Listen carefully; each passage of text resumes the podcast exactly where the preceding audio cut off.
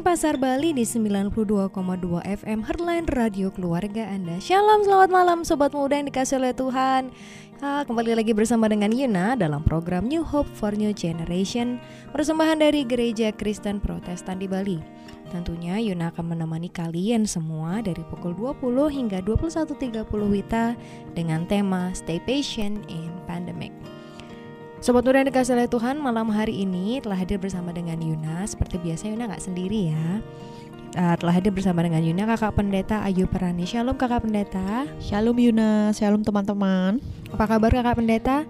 Luar biasa. Baik. Oke, luar biasa. Jadi kami juga berharap bahwa sobat muda ada dalam kondisi yang baik dan juga penuh dengan sukacita. Hmm. Oke, sobat muda, kita akan mengajak kalian semua tetap stay tune bersama dengan kami di 92,2 FM dan Buat sobat muda, jangan lupa untuk follow Instagram kami di at New Hope for New Generation Sekali lagi at New Hope for New Generation Dan bagi sobat muda ada yang mau kirim salam, mau request lagu, mau ikut berdiskusi dengan kami terkait tema pada malam hari ini Bisa WhatsApp kami di 085739200621 sekali lagi 085739200621 ataupun bisa DM di Instagram tadi di New Hope for New Generation ataupun bisa telepon kami di 0361445776 sekali lagi 0361445776 Tetap saja bersama dengan kami di 92,2 FM Heartline Radio Keluarga Anda.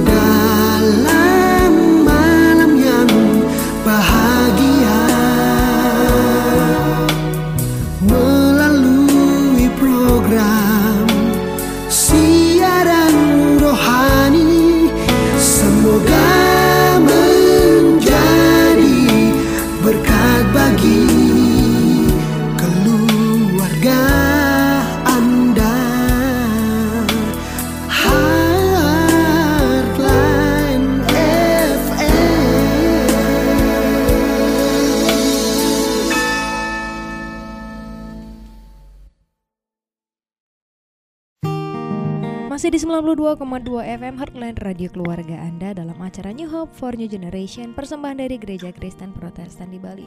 Sobat dan kasih oleh Tuhan Yuna masih setia nih akan menemani kalian semua hingga pukul 21.30 Wita.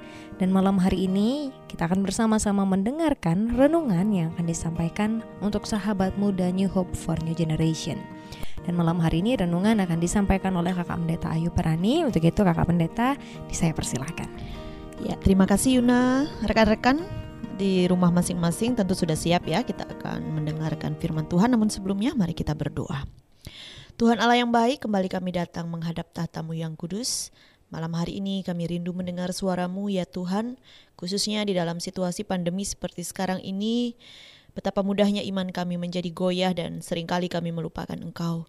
Oleh karena itu malam hari ini kami mau kembali Tuhan menguatkan kami, meneguhkan kepercayaan kami kepadamu melalui kebenaran firman yang akan kami renungkan. Urapi kami satu persatu di mana pun kami berada sehingga firmanmu benar-benar menjadi berkat. Berfirmanlah ya Bapa karena kami telah siap untuk menerimanya. Amin. Sahabat muda yang terkasih di dalam Tuhan Yesus Kristus, Shalom. Saya berharap semua tetap berada di dalam keadaan sehat dan semoga sahabat muda juga masih cukup bersabar ya untuk stay at home. Ngomong-ngomong tentang sabar, kira-kira masih seberapa besar kesabaran sahabat muda dalam melewati masa pandemi ini? Mungkin ada yang masih cukup bisa bersabar, tapi udah ada yang gak sabar banget gitu. Baru-baru ini berhembus sedikit angin segar bahwa new normal sudah mulai berlaku di beberapa daerah, termasuk di Bali. Seperti orang yang baru keluar dari penjara dan bisa menikmati kebebasan setelah beberapa bulan terpenjara di rumah, banyak orang mulai menyerbu mall, tempat wisata, tempat makan, tempat-tempat lain yang pada akhirnya justru memicu keramaian. Apa dampak dari sikap masyarakat yang demikian? Kasus COVID-19 di Indonesia meningkat pesat, bahkan di Pulau Bali juga tidak jauh berbeda. Sepertinya kita melihat fenomena ini bahwa masyarakat sudah mulai tidak sabar melewati masa pandemi. tidak sabar untuk lebih lama di rumah, tidak sabar ingin beribadah di gereja, tidak sabar untuk shopping, untuk jalan-jalan, dan lain sebagainya. Sehingga begitu ada kabar new normal, kita merasa telah bebas kembali. Padahal si virus C ini masih berkeliaran di sekitar kita. Menghadapi situasi demikian, maka tepat sekali bila topik renungan kita malam hari ini stay patient in pandemic. Yang menjadi pertanyaan untuk kita renungkan, bagaimana caranya agar kita bisa tetap bersabar? Nah, ini yang eh, kadang susah untuk kita eh, jawab ya. Secara jujur kita mengakui bahwa sabar merupakan sikap yang mudah untuk dibicarakan, tetapi sulit untuk dilakukan. Banyak orang nggak sabar dalam menghadapi segala sesuatu. Sekarang ini sepertinya batas kesabaran masyarakat mulai menipis. Dan tentunya fenomena ini juga terjadi di kalangan anak muda. Bagaimana tidak, sudah hampir empat bulan lamanya kita stay at home, belajar, bekerja, beribadah dari rumah. Rasanya sudah begitu rindu sekali untuk menghirup udara di luar, untuk kongko-kongko bareng teman-teman, untuk pelayanan dengan banyak orang. Pokoknya udah nggak sabar banget kita beraktivitas di luar rumah. Namun ketika saat yang ditunggu-tunggu mulai tiba, PSBB mulai dilonggarkan, ternyata kasus positif juga semakin meningkat.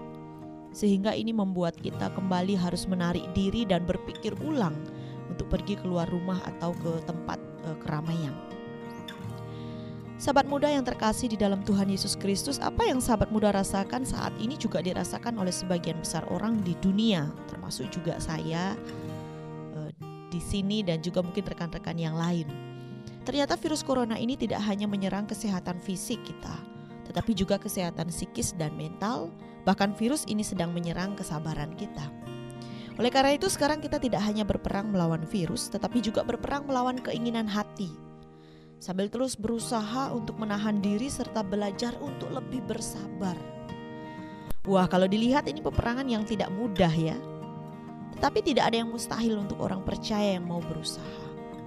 Oleh karena itu, malam hari ini kita akan benar-benar belajar membangun sikap yang lebih sabar, khususnya di dalam menghadapi pergumulan seperti pada masa pandemi sekarang ini.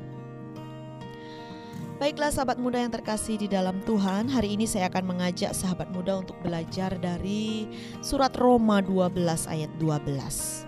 Rekan-rekan yang sudah menyiapkan Alkitab, mari kita membaca sama-sama Roma 12 ayat 12. Bersukacitalah dalam pengharapan, sabarlah dalam kesesakan, dan bertekunlah dalam doa.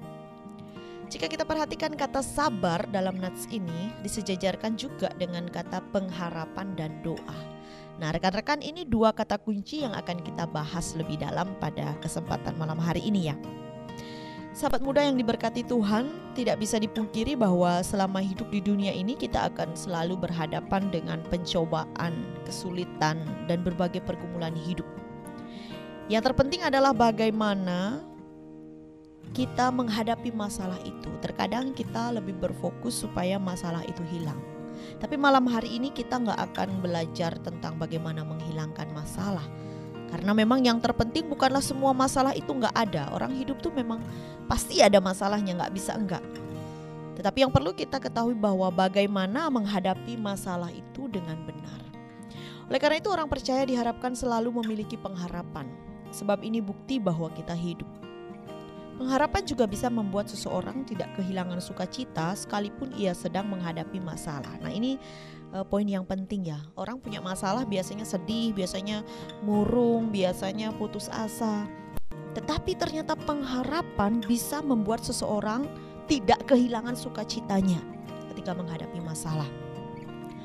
Oleh karena itu Paulus menasehatkan untuk bersukacitalah di dalam pengharapan. Sebab di dalam setiap pengharapan kita dapat melihat hal-hal baik dan positif yang tentunya bisa membuat kita lebih bahagia dan lebih bersyukur. Pengharapan dari orang percaya ada pada Kristus, yaitu Tuhan yang telah mati lalu bangkit dan hidup untuk selamanya. Ia memberi kehidupan kekal bagi mereka yang percaya kepadanya. Karena pengharapan kita ada di dalam Tuhan yang Maha Kasih, Tuhan yang Maha Kuasa, yang Maha Baik, maka sesungguhnya kita tidak perlu takut atau khawatir lagi akan beratnya persoalan hidup ini. Seperti firman Tuhan mengatakan dalam Ibrani 6 ayat 19. Pengharapan itu adalah sauh yang kuat dan aman bagi jiwa kita. Jadi betapa pentingnya suatu pengharapan. Pengharapan dapat membuat kita cukup berani dan kuat dalam menghadapi badai kehidupan. Mungkin rancangan kita bisa berantakan karena pandemi ini ya. Yang rencana mau nikah bisa tertunda, yang rencana mau naik jabatan mungkin harus tertunda dan banyak rencana-rencana lain yang nggak bisa e, terrealisasi di dalam situasi pandemi sekarang ini. Tetapi rancangan Allah nggak pernah e, tertunda atau nggak pernah gagal. Rancangan Allah itu selalu tepat pada waktunya dan mendatangkan damai sejahtera. Roma 5 ayat 5 mencatat, pengharapan tidak mengecewakan karena kasih Allah telah dicurahkan di dalam hati kita melalui Roh Kudus yang telah dikaruniakan kepada kita. Jadi rekan-rekan muda, jelas kita tidak perlu khawatir dan takut secara berlebihan. Sebab pertolongan Roh Kudus akan memampukan kita dan menguatkan kita untuk menanggung segala sesuatu dengan tekun. Sabar dalam pandemi berarti kita harus memiliki pengharapan bahwa situasi ini pasti akan berlalu dan Tuhan melalui pertolongan Roh Kudus akan memampukan kita untuk dapat melewati masa pandemi ini. Ingat bahwa pengharapan di dalam Kristus itu tidak akan mengecewakan. Sahabat muda yang terkasih di dalam Tuhan kita Yesus Kristus selain memiliki pengharapan, cara yang tidak kalah penting agar kita bisa bersabar adalah juga dengan berdoa. Tadi di awal saya sudah katakan ada dua hal ya. Yang pertama tadi pengharapan, lalu yang sekarang adalah berdoa. Berdoa seperti apa? Berdoanya bukan hanya sekedar doa saja atau rutinitas saja ya. Misalnya bangun tidur kita berdoa terima kasih Tuhan atas hari baru, atas penyertaan selama istirahat. Atau berdoa tidak hanya sebuah uh, rutinitas yang sudah kita hafal. Setiap mau makan kata-kata dalam doanya selalu sama gitu. Jadi seperti mengucap mantra juga. Tidak seperti itu yang dimaksud dengan berdoa di sini, tetapi berdoa dengan tekun, yaitu berdoa dengan sungguh-sungguh, berdoa dengan terus-menerus. Ketika hidup terasa berat dan persoalan tidak kunjung berhenti, sebenarnya kita sedang membutuhkan sedikit dorongan. Kalau kita lihat kembali dalam bahasa Inggris dorongan push itu kalau dipanjangkan pray until something happens. Yang artinya berdoa terus sampai terjadi sesuatu. Dengan kata lain, jangan berhenti berdoa sebelum kita melihat sesuatu yang kita doakan itu terjadi. Nah, ini yang namanya berdoa dengan tekun. Jika belum terjadi sesuatu, ya jangan berhenti berdoa. Kekuatan doa begitu besar sehingga Paulus pun selalu berdoa untuk orang-orang percaya. Contohnya untuk jemaat di Kolose, dia berdoa supaya jemaat dikuatkan dengan segala kekuatan oleh kuasa kemuliaannya untuk menanggung segala sesuatu dengan tekun dan sabar. Itu tertulis dalam Kolose 1 ayat 11. Jadi kita pun perlu dan harus berdoa supaya diberi kesabaran yang ekstra dalam melewati masa pandemi ini. Bukan hanya e, bersabar dalam masa pandemi ya, tetapi juga e, bersabar di dalam banyak pergumulan hidup. Anak-anak muda ini kan kadang menjadi generasi yang kurang sabar karena terbiasa dengan instan. Jadi yang mie yang instan bukan hanya mie tetapi instan maunya pokoknya cari pasangan harus cepat e, kerja harus cepat dapat duitnya kemudian sekolah juga harus e, percepatan gitu pokoknya semuanya mau yang instan mau yang cepat jadi nggak sabar kalau waktunya agak sedikit diperpanjang oleh karena itu kita perlu berdoa supaya kita diberi ke kesabaran yang ekstra supaya kita bisa menjadi pribadi yang sabar ini sesuatu yang sangat penting karena Eh, banyak orang termasuk anak muda juga jarang meminta kepada Tuhan supaya dia bisa menjadi pribadi yang lebih sabar. Kadang kita Tuhan saya minta pacar, Tuhan saya minta pekerjaan, Tuhan saya minta uh, yang lain-lain dan uh, kita lupa untuk meminta suatu roh atau pribadi yang sabar. Oleh karena itu kita uh, perlu meminta itu dengan sungguh-sungguh selain pokok-pokok doa lainnya sebab sering kali karena kurang sabar kita justru menemui masalah baru jadi ternyata kesabaran ini juga hal yang penting untuk kita doakan. Nah sahabat muda yang dikasihi Tuhan, masihkah kita ragu dan merasa tidak sabar dalam menghadapi pergumulan, khususnya di masa pandemi ini? Harusnya tidak lagi ya, sebab firman Tuhan hari ini sudah menguatkan kita dan memberi tips-tips yang baik untuk bisa lebih bersabar lagi. Sekarang yang perlu kita perhatikan, jangan sampai pengharapan dan doa kita menjadi kendor. Sekalipun mungkin fisik kita lemah, pikiran kita mungkin sudah uh, apa namanya kacau begitu ya. Uh, psikis kita mungkin juga terganggu, tetapi uh, pengharapan dan doa kita nggak boleh terganggu. Biarlah keduanya terus bertumbuh seiring pertumbuhan kesabaran kita. Orang yang sabar nantinya akan dapat melihat keindahan di balik setiap musibah yang Tuhan izinkan terjadi. Selamat membangun pribadi yang lebih sabar, sahabat muda. Tuhan Yesus memberkati kita. Amin.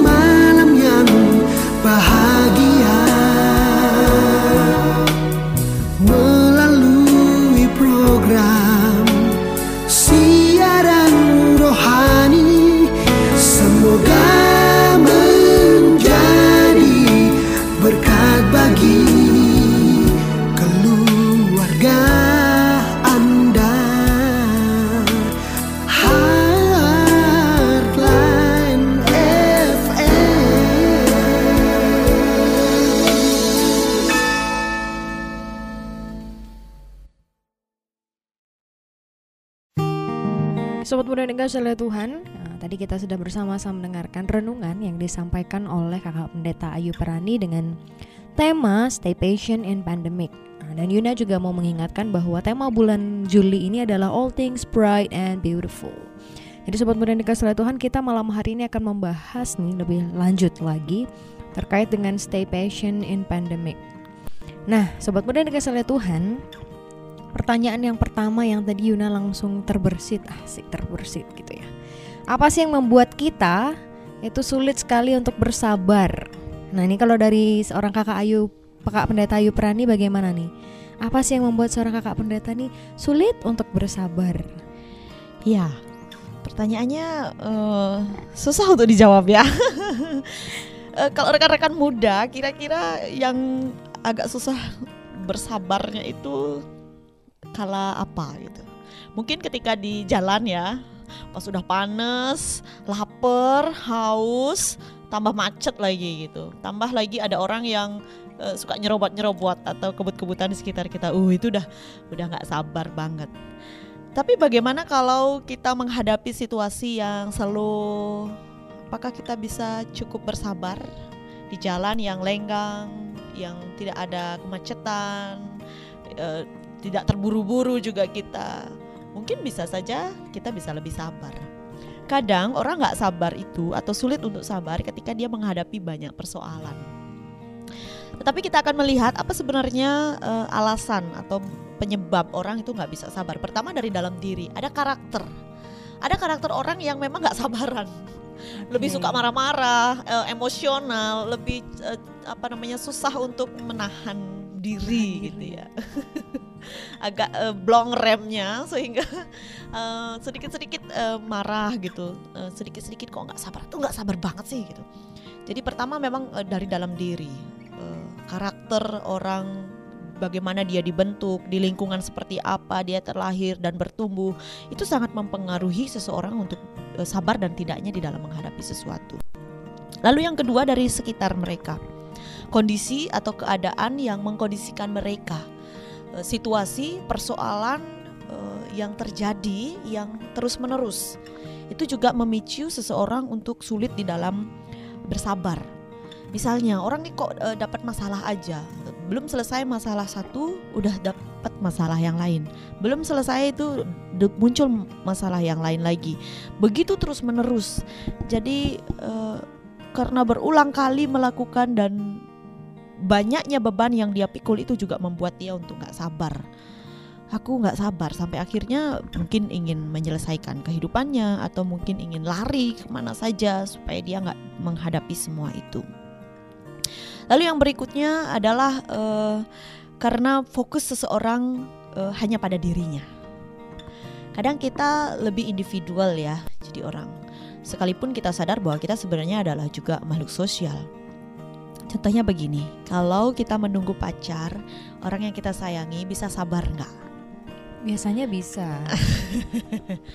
kalau lagi moodnya enak, kalau lagi sayang-sayangan, kalau lagi baik-baik, wah nunggu telat satu jam ah nggak apa-apa, it's okay, Waduh. macet, oh nggak apa-apa gitu, masih bisa ditolerir lah ya. Tapi kalau lagi jengkel, kalau la- eh, kalau lagi nunggu bukan pacar, nunggu orang yang sebenarnya kita nggak terlalu respect dengan dia, mungkin telat lima menit aja, udah. Kamu nih nggak tahu nih udah jam berapa? Stok sabarnya langsung hilang begitu Bu ya. langsung hilang. Karena apa? Karena fokusnya pada diri. Ketika pada orang yang kita cintai, fokus kita pada dia. Kita berusaha untuk menempatkan diri pada posisi dia, ya kan? Mau dia dandannya sejam sehingga dia terlambat, mau dia di jalan mampir ke mana-mana sehingga dia terlambat, it's okay because I love you kan gitu. Tapi kalau kamu orang yang nggak nggak ada hubungan dengan saya, enggak eh, time is money. Saya udah ada waktu nih. Saya eh, nggak ada eh, saya ada janjian sama orang. Saya punya waktu terbatas aja gitu. Jadi nggak sabar karena fokusnya ke mana? Ke diri saya. Jadi penting untuk ketika kita belajar bersabar itu kita juga punya kasih yang lebih untuk peduli terhadap orang lain. Ini yang kadang eh, kita nggak pahami. Oh kasih itu beda, beda pos. Eh, sabar itu eh, beda juga gitu. Enggak, ternyata kalau orang supaya bisa bersabar itu hatinya harus dipenuhi dengan kasih dulu. Kalau kita ng- nggak dipenuhi dengan kasih ya bawaannya pasti marah-marah, pasti jengkel, pasti nggak sabar. Tapi kalau kita hatinya dipenuhi dengan kasih, kita akan melihat orang, memposisikan diri pada orang itu. Mungkin orang itu benar dia memberi alasan bahwa tadi macet, saya ada keperluan lain. Kalau kita nggak ada kasih di dalam hati, kita nggak bisa terima, nggak nggak ada alasan. Pokoknya saya mau marah, saya komplain. Tapi kalau di dalam hati kita ada kasih, saya terlambat, maaf. Oh ya udah, it's okay bisa diterima alasannya.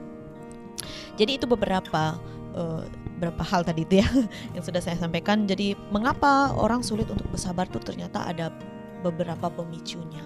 Tetapi ini nggak boleh dijadikan sebagai suatu eh, alasan yang paten bahwa kita boleh untuk nggak sabar. Wah, betul sekali. Sekalipun ada banyak alasan, kalau kita mencari kan ada banyak penyebab, ada banyak alasan yang memungkin sangat memungkinkan sekali sebenarnya untuk kita nggak bersabar gitu. Tapi nggak boleh semua itu dijadikan alasan. Oh, saya memang karakternya orang yang nggak sabaran, kemudian tindakan ketidaksabaran saya itu dibenarkan gitu ya, nggak bisa gitu. Ya, sobat muda itu harus diingat ya, itu Mm-mm. poin pentingnya. Jadi kalau tadi Bu Mereta menyampaikan tiga hal ya. Yang pertama dari diri sendiri. Jadi Ya. terkait dengan uh, karakter, kondisi emosional, bagaimana ia dibentuk, kemudian ada luka dan trauma mungkin bisa menyebabkan seseorang jadi cenderung lebih sulit untuk bersabar karena merasa bahwa yang poin ketiga tadi hanya banyak masalah aja terus masalah masalah masalah sehingga dia menyebabkan trauma ya bukan luka. Jadi dia sering uh, uh, lebih sulit untuk uh, bersabar. Kemudian tadi dari lingkungan luar yang sebenarnya dibilang sama pendeta bagaimana uh, pepatah yang bilang sudah jatuh tertimpa tangga Iya. pula gitu kayaknya ya udah jatuh Numpuk-numpuk. sakit ketimpa tangga lagi Malu lagi kan? Iya udah malu sakit gitu luka gitu. Jadi mungkin itu yang membuat uh, setiap kita sangat sulit untuk bersabar. Kemudian dan yang tadi yang apa yang juga tidak kalah penting hanya fokus terhadap diri sendiri gitu ya. Yuna juga tadi sempat mencari-cari, uh, sempat uh, berpikir lah ya, ber- bertanya kepada beberapa orang. Uh, selain tadi tiga hal yang disampaikan oleh Bu Pendeta, ada beberapa hal yang Yuna akan tambahkan. Yang pertama itu adalah fokus terhadap masalah. Jadi kalau misalnya tadi uh, dia fokus hanya kepada diri sendiri, gitu. jadi dia juga akan hanya fokus kepada masalah-masalah masalah-masalah, terutama di dalam pandemi ini ya. Mungkin Betul. berfokusnya cuma, aduh kantongku kok uangnya nih serinya berkurang, nolnya bukan nambah nih, gimana sih gitu. Iya. Dan dia tidak berfokus kepada pengharapan ataupun solusi-solusi dan jalan keluar yang mungkin bisa dikerjakan. Iya. Kemudian apa sih juga yang membuat orang-orang itu uh, sulit untuk bersabar, jenuh nih biasanya kalau anak muda nih jenuh Iya. dengan kondisi yang kok gini Gitu-gitu terus aja, ya, monoton ya. monoton gitu. Sedangkan uh, di dalam kondisi yang monoton ini dia juga kehilangan hal-hal yang dia suka dan biasa untuk lakukan. Betul. Seperti yang tadi bilang kongko kongko udah nggak bisa. Kalaupun bisa jaraknya satu meter kongko satu meter, em, Nggak seru gimana gitu ya nggak ya. seru gitu. Kemudian Nggak ada bisa saling rangkul, nggak bisa, Iya. bisa lah kayak dulu ya. Terus uh, jam pembatasan jam kita nggak bisa lagi seenaknya lah ya kalau anak muda mau siaran, eh s- mau kongko kongko nggak bisa lagi seenaknya mau sampai jam berapa. Biasanya anak-anak muda yang laki ini udah kalau udah lagi mabar. Mabar itu udah lupa waktu Udah eh, nggak tahu deh, nggak takut di jalan deh kalau pulang ya. iya sudah nggak takut. Kalau sekarang eh, lebih cenderung mamanya yang marah-marah. Dek pulang nanti Jam 9 udah di sakit." rumah ya, udah tutup 9 pintu, sudah, udah tarik selimut. sudah tarik selimut atau lanjut mabarnya di kamar mungkin Bu kemudian em, bisa juga karena terbiasa dengan pola hidup instan yang seperti bilang sama Bu Pendeta tadi. Jadi eh, memang kalau kita lihat eh, generasi yang sekarang ini adalah generasi yang memang serba instan semua. Bangun udah ketemu handphone yang canggih. Iya, betul. Kemudian eh, mereka sekolah juga dengan sekarang dengan kondisi seperti ini harus dengan kondisi IT juga yang baik, dengan hal-hal yang canggih gitu. Jadi memang mereka segala eh, terbiasa dengan hal-hal yang instan ataupun kalau misalnya dari kecepatan internet maunya yang kenceng aja, nggak mau ada buffering bufferingnya. Iya. Nah kan dalam hidup ya nggak bisa begitu. Iya. Ada waktunya kita di atas, ada waktunya kita di bawah, ada waktunya kencang, ada waktunya buffer. Lambat ya. Itu yang pertama sobat muda. Jadi sebenarnya banyak sih hal-hal yang membuat kita sulit untuk bersabar. Tapi seperti yang bilang Bu Pendeta tadi, jangan sampai itu dijadiin tameng. Oh nggak apa-apa kok nggak sabar kan emang aku gitu orang. Iya. Lah ya jangan gitu juga. Kalau kamu terus kayak gitu, pada akhirnya itu akan eh, melukai diri sendiri dan juga melukai orang lain. Semakin terjerumus juga. Ya jadi Terlalu tidak sabar, over. ya jadi nantinya malah marah-marah terus Iya. gitu kan. Jadi dia nggak punya sukacita nih. Betul. Jadi cepat Kehilangan. tua kalau kata orang kan suka Kehilangan marah-marah itu sukacita, betul. cepet tua sobat muda yang dikasih oleh Tuhan.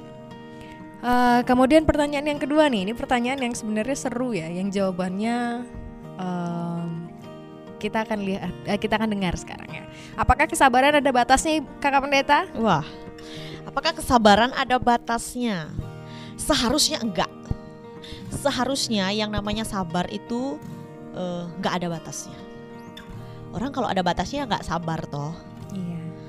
S- sampai berapa kali mengampuni 70 kali 7 kali. Kali lagi, kali lagi. Itu kan eh, bula, bukan dalam batasan Angka. angka ya. Oh, berarti 40 190 ah bukan seperti itu. Tapi apa? Ya nggak ada batasnya sebanyak-banyaknya. Jadi seberapa sabar kita? Ya sesabar-sabar ya pokoknya sabar gitu. Nah, inilah yang dimaksud dengan ketekunan. Orang tekun tuh ya nggak pernah berhenti sebelum dia menemukan. Jadi sabar itu yang nggak akan berhenti sebelum dia mendapatkan eh, mencapai apa yang dia harapkan. Contohnya misalnya, Bu Ita lagi suka nanem eh, tanaman ya. Eh, udah ngelihat hasilnya orang itu bagus gitu ya, wah indah. Sementara kita kan baru nanem nih, baru satu satu helai daun atau dua helai daun mungkin ya. Eh, sekarang nunggu sampai dia menjadi suatu tanaman hias yang indah itu kan bukan proses yang Sebentar. Eh, eh. yang sekarang tanam besok langsung berdaun banyak gitu. Enggak. Itu suatu proses yang kadang besoknya udah kok layu ya? Padahal yang kita harapkan dia akan tumbuh besoknya udah tumbuh daun lagi tumbuh daun lagi. Enggak. Sampai seberapa saya harus bersabar? Kalau saya berhenti pada besok dan ternyata dia itu bisa bertumbuh pas seminggu lagi berarti apa? Saya nggak akan pernah bisa melihat keindahan itu kan. Jadi apa? Inilah yang dimaksud bahwa eh, kesabaran harusnya nggak ada batasnya sampai benar-benar kita melihat apa yang kita harapkan. Maka dari itu antara harapan dan doa itu berjalan bersama. Harapan doa akan membawa suatu kesabaran, akan menuntun kita kepada suatu kesabaran. Jadi kalau ada orang yang mengatakan "Ke- kesabaran saya ada batasnya, sebenarnya kita itu termasuk orang yang nggak sabar. Dan rata-rata kita begitu ya. Iya. Ya, saya juga masih dalam proses eh, sabar, eh, belajar untuk bersabar sekalipun memang masih kadang eh, membatas atau ada batasnya kesabaran kita. Begitu kira-kira Yuna? Iya, jadi ini jawabannya sebenarnya mutlak ya kalau kita Mutlak, melihat. harusnya begitu, tapi kadang kita mau tawar-tawar ya. Iya seperti eh, seperti biasa macam ibu-ibu belanja ke pasar pengennya nawar-nawar gitu atau belanja online pengennya nawar-nawar. Pengennya dapat yang bagus tapi maunya yang murah gitu tapi pengen dapatnya sesuatu yang luar biasa tapi nggak mau berkorban dan sabar. Iya, nah ini betul. kebiasaan jelek dari kita sebagai manusia. Bahkan Yuna pun masih sering mengalami hal-hal yang seperti ini. Jadi Iya. memang kalau ditanya kesabaran tuh ada batasnya nggak enggak sobat muda seharusnya ketika kita memang adalah anak-anak Tuhan yang eh, menjadi sumber kesabaran kita ya. Kalau yang tadi dibilang harus harusnya kita berdoanya tuh banyak-banyak minta sabar. Iya. karena kita tidak hanya menghadapi satu dua orang tapi menghadapi dunia yang menolak kita Iya, kalau kita nggak sabar mungkin udah minta dijemput duluan mungkin ya Bu Pendeta ya Sementara tugas kita belum selesai. iya jadi sabar itu nggak ada batasnya dan stoknya juga unlimited Iya. Jadi kalau mau refill ya refill aja gitu tinggal datang ke di hadapan Tuhan bilang. Tuhan hari ini aku minta dong stok sabarnya lagi refill Tuhan gitu Iya. Tuhan kita kan Tuhan yang pengampun ya jadi panjang sabar dan penuh kasih setia begitu kan Sebenarnya kalau kita mem- membuat kesabaran kita itu menjadi terbatas atau kita membatasi kesabaran kita itu akan muncul masalah baru. Misalnya begini, saya sabar hanya untuk tiga bulan masa pandemi ini. Setelah itu saya nggak sabar.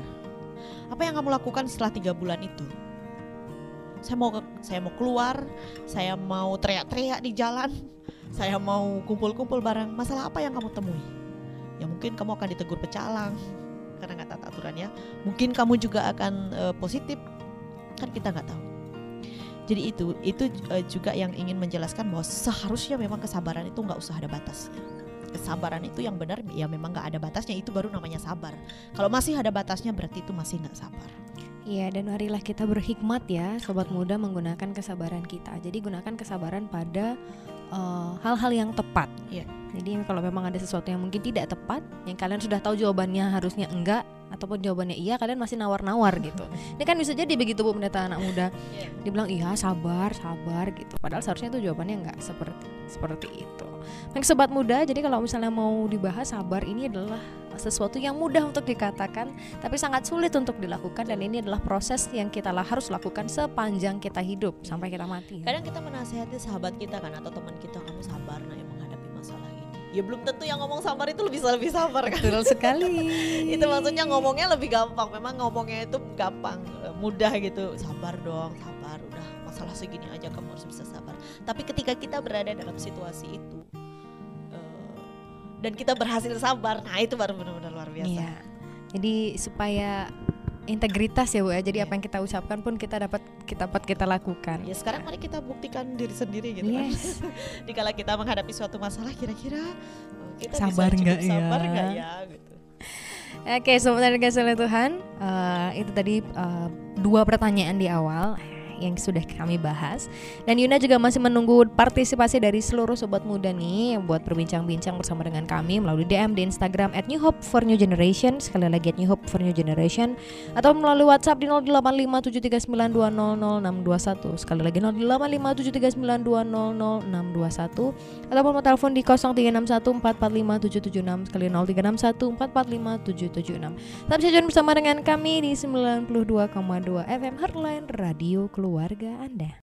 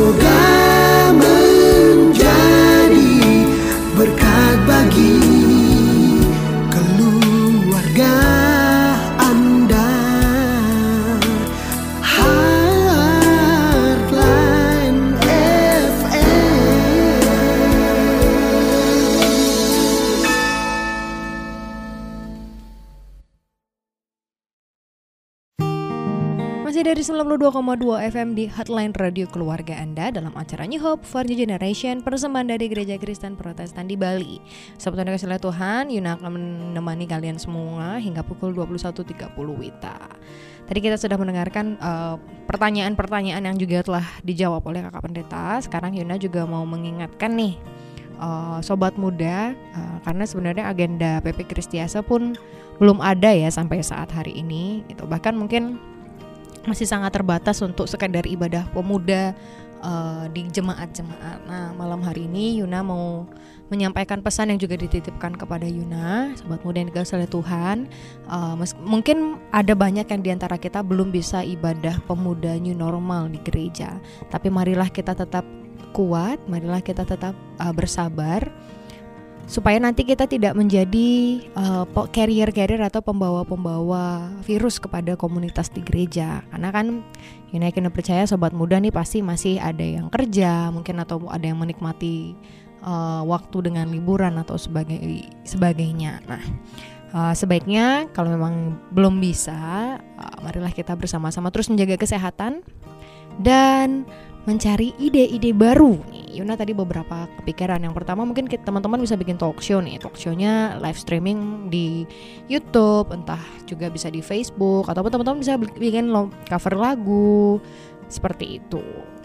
Jadi sebelum dengan saya Tuhan, ada banyak cara yang bisa kita lakukan untuk mengisi waktu kita, untuk kita bisa bersama-sama bersekutu dengan teman-teman, meskipun kita belum bisa bertemu secara fisik.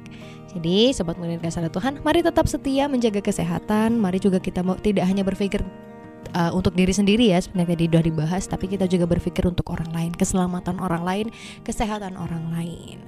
Murid kasih Tuhan, Uh, Yuna juga masih mengingatkan sekali lagi bahwa buat teman-teman sobat muda yang mau kirim salam, mau request lagu, mau ikut bergabung dengan kami dalam diskusi, kita masih tungguin di DM kami di Instagram at New Hope for New Generation, sekali lagi at New Hope for New Generation, atau melalui WhatsApp di 085739200621, sekali lagi 085739200621, atau ada mau telepon bisa di 0361 445776, sekali lagi 0361 445776. Tetap stay tune bersama dengan kami di 92,2 FM Heartline Radio Keluarga Anda.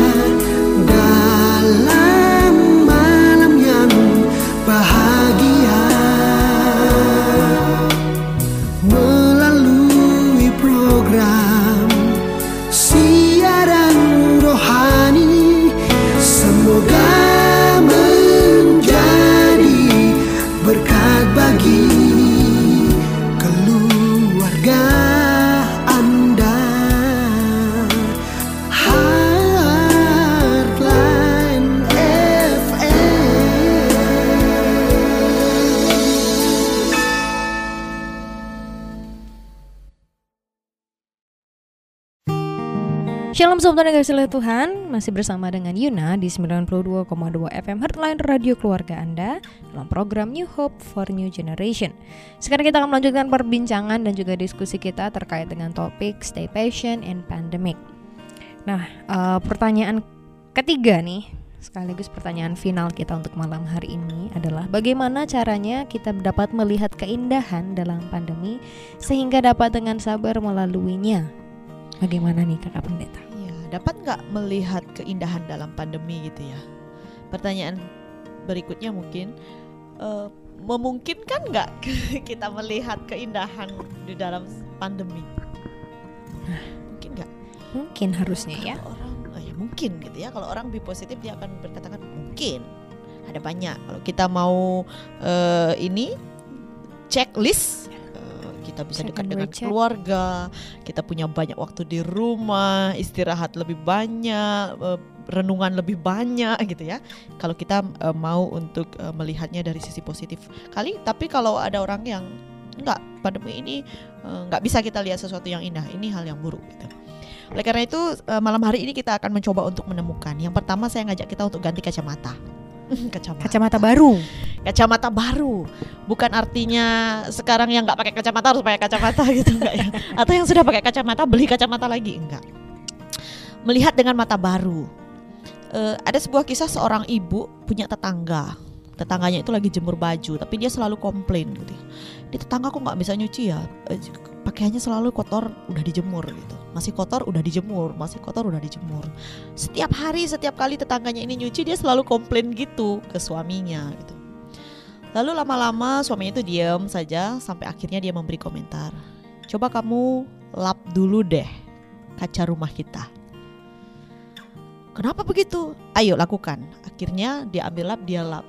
Ternyata setelah itu dia melihat cucian tetangganya jadi bersih. Wah. Apa masalahnya kaca, Kaca rumahnya. rumahnya. Jadi matanya dia yang salah melihat kan itu bukan cuciannya orang. Selama ini kita juga melihat bahwa eh, yang salah itu pandemi ini, yang salah ini virusnya. Eh, tetapi kita nggak nggak mencoba untuk membersihkan diri kita. Pikiran kita kok yang terlalu kotor, yang terlalu negatif sehingga kita memikirkan hal-hal yang negatif juga tentang eh, situasi yang sulit. Sekalipun kita tahu memang ini adalah sebuah musibah, ini sebuah pandemi. Tapi kalau kita bisa eh, mengubah cara pandang kita, pola pikir kita, maka sesuatu yang buruk itu bisa kita lihat baik. Yes. Jadi penting yang pertama ini kita mengubah eh, pola pikir, mengubah cara pandang kita. Karena siapa lagi sih yang bisa mengubah diri kita gitu ya? Kalau nggak diri sendiri. Kalau nggak diri sendiri. Jadi tidak hanya berfokus untuk yang orang lain atau situasi yang kita hadapi, tetapi mencoba untuk merubah diri. Kemudian bagian yang kedua yang juga eh, sangat berkaitan dengan bagian yang pertama adalah siap berubah. Kita mau jadi apa sih? Gitu. Kita mau jadi orang yang positif apa mau jadi orang yang negatif? Kita mau jadi lalat apa mau jadi kupu-kupu? Nah, lalat kupu-kupu ini juga ada ceritanya. Nah, ceritanya? Susah ngasih tahu lalat kalau bunga itu indah. Kalau bunga itu harum, ya kan? Karena apa? Karena lalat ya memang sukanya sama sampah, sama yang bau gitu kan. Jadi kalau kita mau kasih tahu bahwa bunga itu loh indah lalat, kamu sebaiknya harus di bunga aja nempelnya, jangan di sampah. Lalat mau nggak? Enggak. Enggak, karena memang dia sukanya di sampah, di tempat yang demikian atau yang kotor atau yang bau. Tapi kalau kupu-kupu sangat mudah kita untuk bisa mengatakan bahwa bunga itu indah loh, bunga itu harum. Iya, karena dia memang berada di situ, dia memang suka dengan itu. Sehingga kita juga eh, harus belajar untuk mengubah diri dan menjadi seperti itu gitu. Maksudnya ketika kita menghadapi situasi yang sulit atau eh, persoalan yang berat yang seperti sekarang kita harus eh, siap untuk menjadi eh, orang yang menyukai situasi ini. Kita menjadi kupu-kupu yang menyukai dan melihat pandemi ini sebagai sesuatu yang indah. Bisa dipahami ya, sehingga kita tidak menjadi parno. Aduh, kita melewati pandemi kok berat banget. Aduh, saya lagi-lagi punya masalah gitu. Kita nggak parno duluan, tapi kita belajar untuk eh, saya harus memposisikan diri seperti apa ya. Saya harus memposisikan diri sebagai orang yang bisa menerima keadaan dan saya harus berubah. Seperti sekarang new normal ini, kalau kita keluar nggak pakai masker kita jadi orang aneh. Dulu kita keluar nggak pernah pakai masker, nggak pernah peduli dengan cuci tangan, bawa hand sanitizer, it's okay. Jadi sekarang dalam new normal ya kita harus siap untuk berubah. Ya normalnya sekarang kita begini, keluar pakai masker, bawa hand sanitizer ke mana, jaga kebersihan, jaga jarak. Itu normalnya sekarang kita. Berbeda dengan normalnya dulu. Dan kita harus siap untuk berubah. Kalau kita nggak berubah ya stres kita sendiri Yes. ya nggak? Jadi kita eh, mau berubah, mengubah diri kita supaya kita bisa melihat oh ternyata indah juga ya.